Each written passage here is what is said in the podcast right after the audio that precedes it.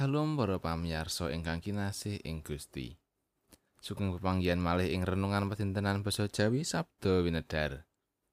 Kados pundi pawartos panjenengan sabrayat ing dinten menika? Menapa kita sampun saos syukur dumateng Gusti? Awit berkahipun ing setengahing brayat kita?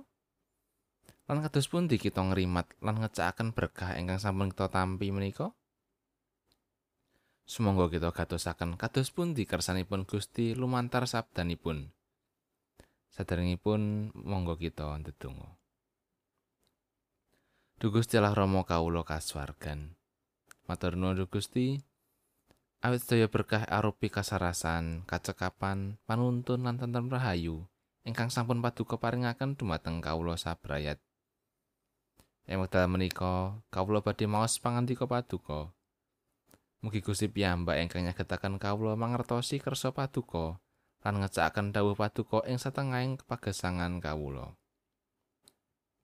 Mugi paduka ugi kersa ngapunteni sakateng kelepatan kawula ing salebeting manah, panggalih, pangucap menapa dene tumindak kawula. Wonten ing asma dalem Gusti Yesus Kristus juru wilujeng kawula. Amin. Para sedherek maosan kapendet saking Injil Lukas bab 12 ayat setunggal ngantos songo. Lukas bab sedoso ayatipun setunggal ngantos songo. Gusti Yesus ngutus sekabat pitung puluh. Sawise iku Gusti nuding wong pitung puluh maneh padha diutus nglurung-lurung disi panjenengane menyang ing saben kutha lan panggonan kang bakal dirawuhi. Kabeh padha dipangandikani.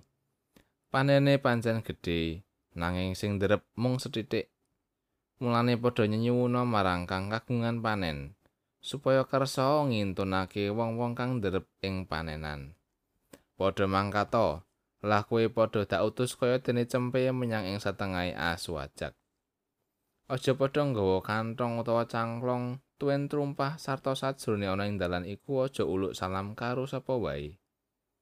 Menawa kowe lumebu ing sawijining omah padha ngucap mangkene dhisik Tentrem rahayu mugi wonten ing dalem ngriki.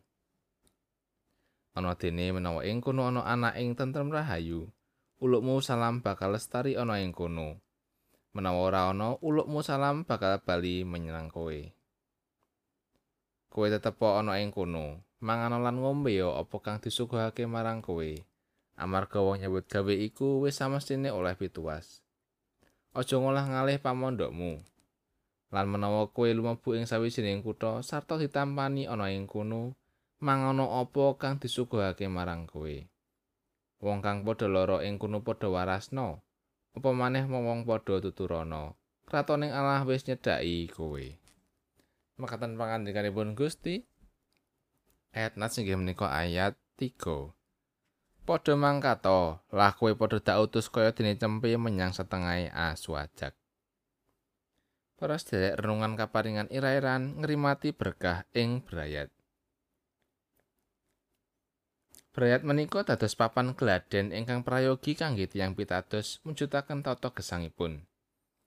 Ing salebeting brayat, kita manggih maneka warni lelampahan. Kadang kala kita manggih kabegjan, nanging saged ugi apes. Asring kita remaos bingah, ananging ugi saged kemawon sisa. Sedaya lelampan menika perlu kapepanaken minangka wewengan nglampahi gesang ing salebeting kameranipun Gusti. Pramila tiyang pitados perlu saestu mangertosi bab timbalan menika. Wawasan Lukas doso es tunggal songo, pancen gadah ancas ingkang wiyar. Ananging ing wewengan menika badhe kapilah katujukaken ing bab gesang bebrayan alit. Paling boten wonten tigang perkawis ingkang wigati ing wawasan Injil menika. Sepisan bab panenan. Kaping kalih bab tukang nderep lan kaping tiga bab ingkang kagungan panenan. Panenan ing salebeting brayat menika ateges potensi berkah lan daya andum berkah tumrap asanes. Brayat ingkang binerkan sampun samestinipun ngegesang lelampan andum berkah. Tukang nderep menika ateges sedaya warga brayat. Ingkang gadhe tanggal jawab ingkang sami inggih menika ngrimati potensi berkah lan dayani brayat antum berkah. lan ingkang kagungan panenan inggih menika Gusti Allah piyambak ingkang ugi jumeneng sang pangen jati. Lajeng kados pundi? Kita nglampahi gesang ing salebeting timbalan ngrimati potensi berkah menika. Ngemoti kata pacoben utawi asu ajak ingkang marupi-rupi. Inggih boten wonten pilihan sanes kejawi nyaket kalian sang pangen jati kanthi pitados bilih sang pangen jati mesti bakal mitulungi cempe-cempenipun saking bebaya asu ajak sugeng ngrimati berkah ing satengahing berayat amin.